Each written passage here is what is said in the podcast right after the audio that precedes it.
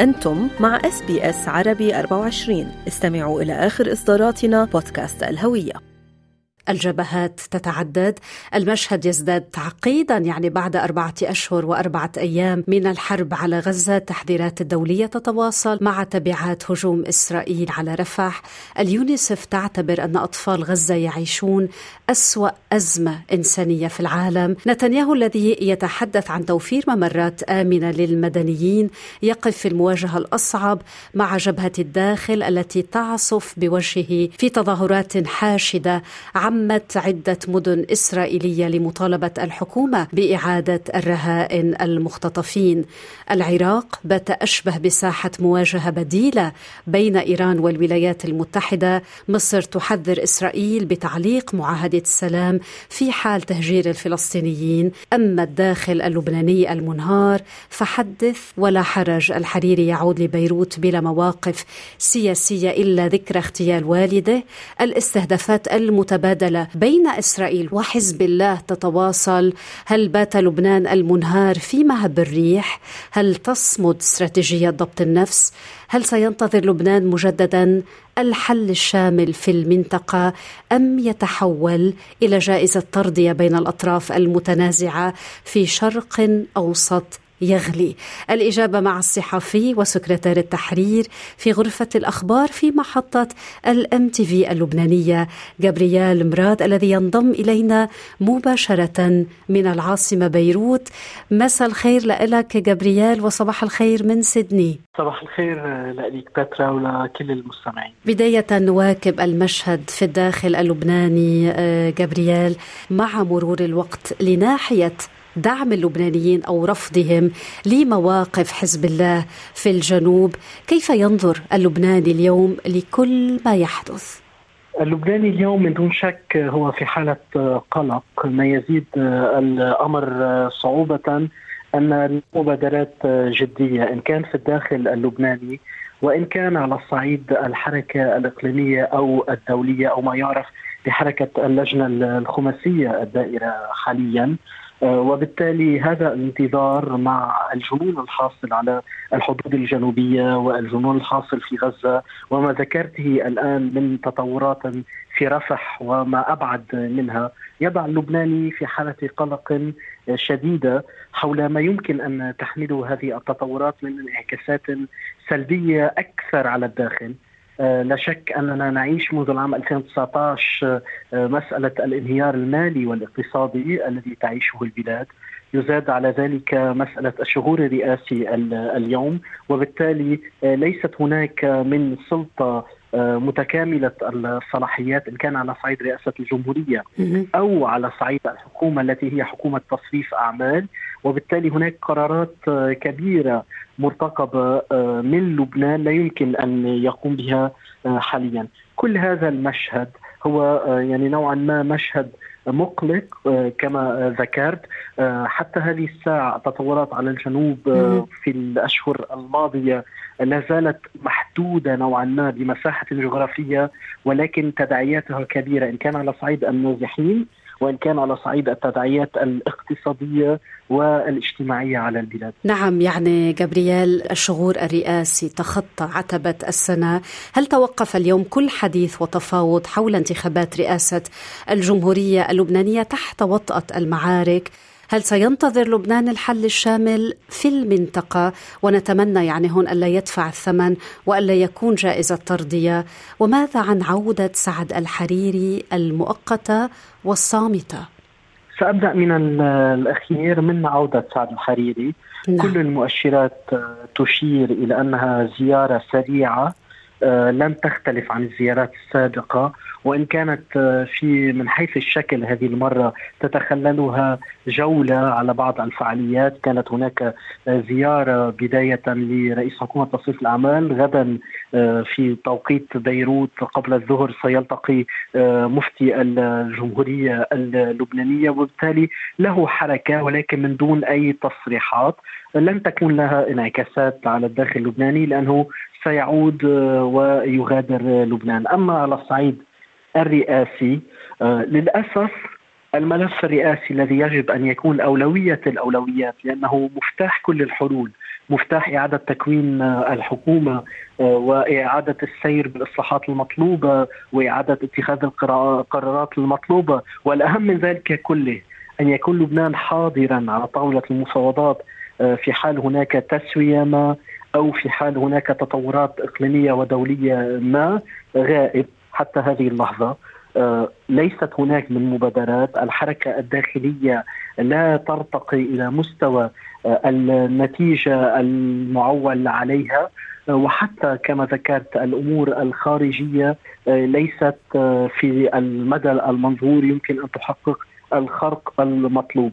هناك من يربط ما بين الاستحقاق الرئاسي اللبناني ونهاية التطورات في غزة من جهة وهناك أيضا من يربط ما بين الملف اللبناني والاستحقاق الرئاسي اللبناني والانتخابات الرئاسية الأمريكية بمعنى العهد الجديد الرئاسي الأمريكي إن كان بايدن في ولايته الجديدة أو عودة ترامب كما هو واضح حتى هذه اللحظة سينعكس على التطورات في المنطقة إن كان من ناحية الحديث مع إسرائيل ونتنياهو وإن كان أيضا من ناحية مقاربة العلاقات في الشرق الأوسط إن مع إيران أو مع دول الخليج.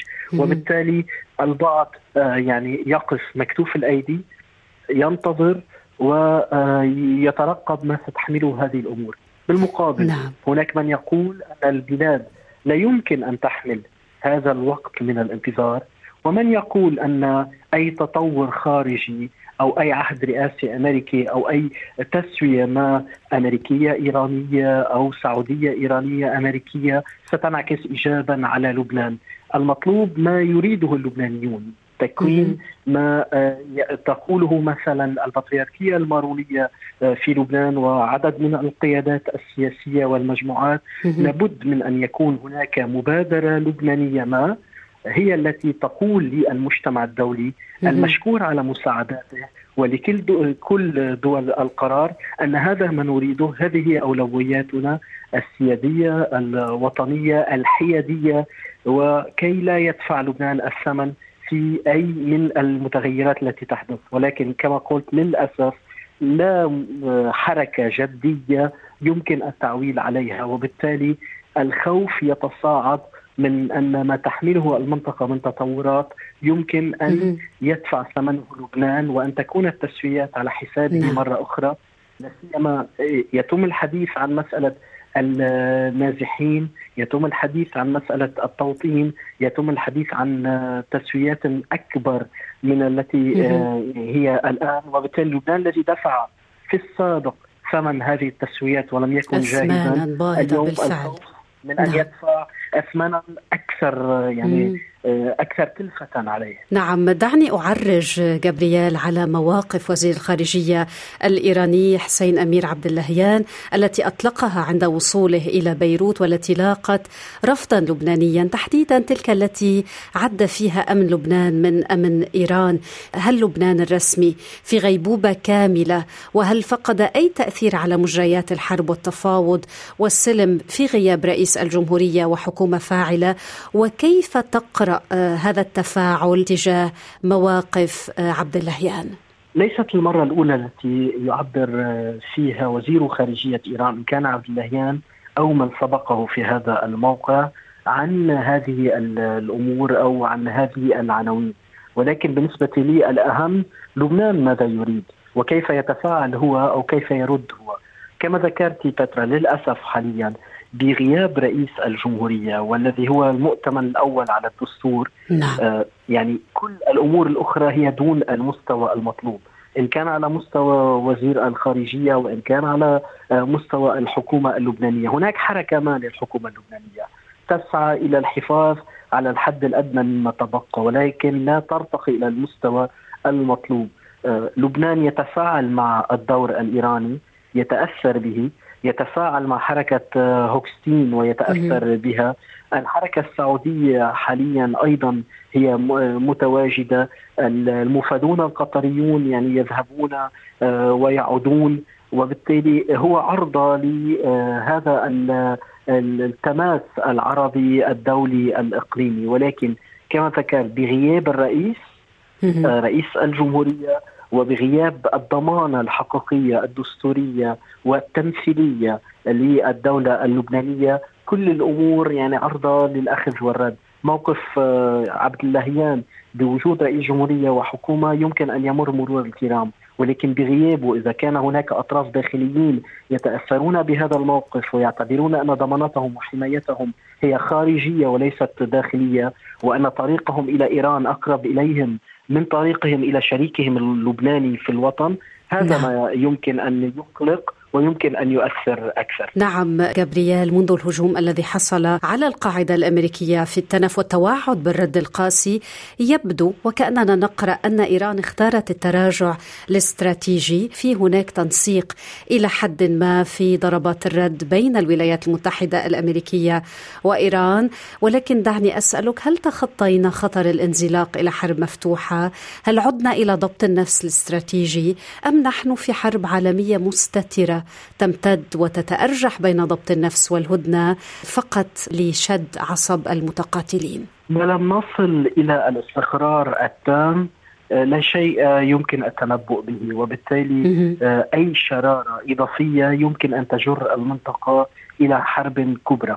هناك محاولات للتسوية. حتى أن عبد اللهيان في زيارته لبيروت وثم عرج على سوريا قال أن الولايات المتحدة طلبت منا أن نتحدث إلى حزب الله بغرض تهدئة الأوضاع على الحدود في الجنوب، هذا يعني أن أبواب التواصل مفتوحة ولكن كما ذكرت ما يحدث في العراق ما يحدث في اليمن ما يحدث من تطورات في غزة والآن في رفح. وبقاء الساحة اللبنانية الجنوبية مفتوحة على عملية إطلاق النار والعمليات المتبادلة وأيضا عمليات الاغتيال التي تقوم بها آه، الطائرات المسيرة الإسرائيلية بشكل يومي لعناصر قيادية من حزب الله يمكن أن تجر البلاد في أي لحظة إلى آه، حرب أكبر. نحن اليوم آه، في شد حبال. شد حبال ما بين التسوية الدبلوماسية السياسية وما بين التصعيد العسكري الأمني. وكلنا نعلم إذا فشلت آه، الأمور في السياسة والدبلوماسية ستكون لغة الحديد والنار هي التي آه، ستعلو. وهذا ما يمكن أن يشير إلى أنه المنطقة في أي لحظة منطقة الشرق الأوسط يمكن أن تنفجر أكثر وبالتالي هي تبحث عن تسوية أكبر تسوية أكبر عناصرها لم تكتمل بعد في ضوء حديث عن محاولات فرنسية عن مساعي نعم. أمريكية عن حركة بريطانية. في الأسابيع الماضية ذكرت زيارة عبد اللهيان ولكن أيضا آه، بالتوازي كانت هناك زيارة لوزير الخارجية الفرنسية كانت أيضا آه، نعم. زيارة لوزير الخارجية البريطانية. آه، يعني هناك حركة مفادين يزورون لبنان ودول الخليج يعرجون على إسرائيل يزورون الأراضي الفلسطينية وبالتالي الجميع في حالة حركة. هذه الحركة حتى هذه اللحظة لم تستسلم سياسيا ودبلوماسيا ولكن كما ذكرت إن لم تصل إلى حل شامل ووقف فعلي لإطلاق النار. الأمور ستبقى يعني النار تحت الرماد ويمكن أن تشتعل بأي لحظة. جابرييل وفي عجالة يعني مصر تستضيف مفاوضات مهمة. وفي نفس الوقت تهدد إسرائيل بتعليق اتفاق السلام معها. موقف جريء. هل من تقدم جدي في المفاوضات؟ وهل ازدياد الضغوط الداخلية والدولية على نتنياهو سيغير مجرى الأمور؟ مصر في موقف آه، يعني لا تحسد عليه لأنها تعاني من أزمة داخلية مالية اقتصادية كبيرة. وتزداد آه، ثقلا على آه، المصريين. وبالتالي البعض يقول أن هناك شيء ما مفتعل على هذا الصعيد أيضا لمحاولة الضغط على الرئاسة المصرية والدولة المصرية للقبول بتنازلات على صعيد ما يحدث على حدودها إن كان في رفح أو سيناء في إطار ما يحكى عن محاولة تغيير ديموغرافي ما أو transfer ما من الأراضي الفلسطينية إلى هناك لتكون حلا ضغط نتنياهو ونزوحه وجنونه على هذا الصعيد يواجه بتعقل نوعا ما أمريكي بريطاني أيضا من دول الكومنولث وأيضا من الدول العربية نعم.